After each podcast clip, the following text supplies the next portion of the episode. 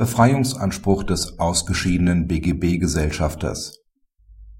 Der ausgeschiedene BGB-Gesellschafter kann Freistellung nach § 738 Absatz 1 Satz 2 Halbsatz 2 BGB nur von gemeinschaftlichen Schulden, das heißt von Verbindlichkeiten der Gesellschaft verlangen, für die er analog § 128 HGB haftet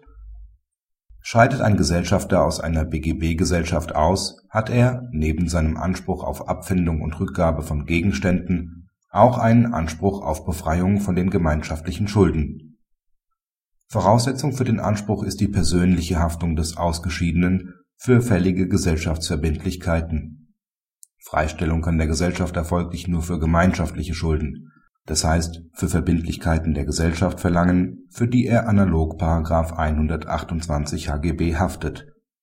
Der ausgeschiedene Gesellschafter verlangte in dem dem BGH vorliegenden Fall Befreiung von in der Auseinandersetzungsbilanz passivierten Refinanzierungseinzahlungen und Refinanzierungsanteilen einzelner Gesellschafter gegen die Gesellschaft.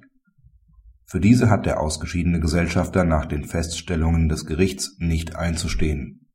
da keine Haftung analog § 128 HGB besteht, besteht insoweit auch kein Freistellungsanspruch. Praxishinweis § 738 BGB gilt aufgrund der Verweisung der § 105 Absatz 3, 161 Absatz 2 HGB auch für die OHG und die KG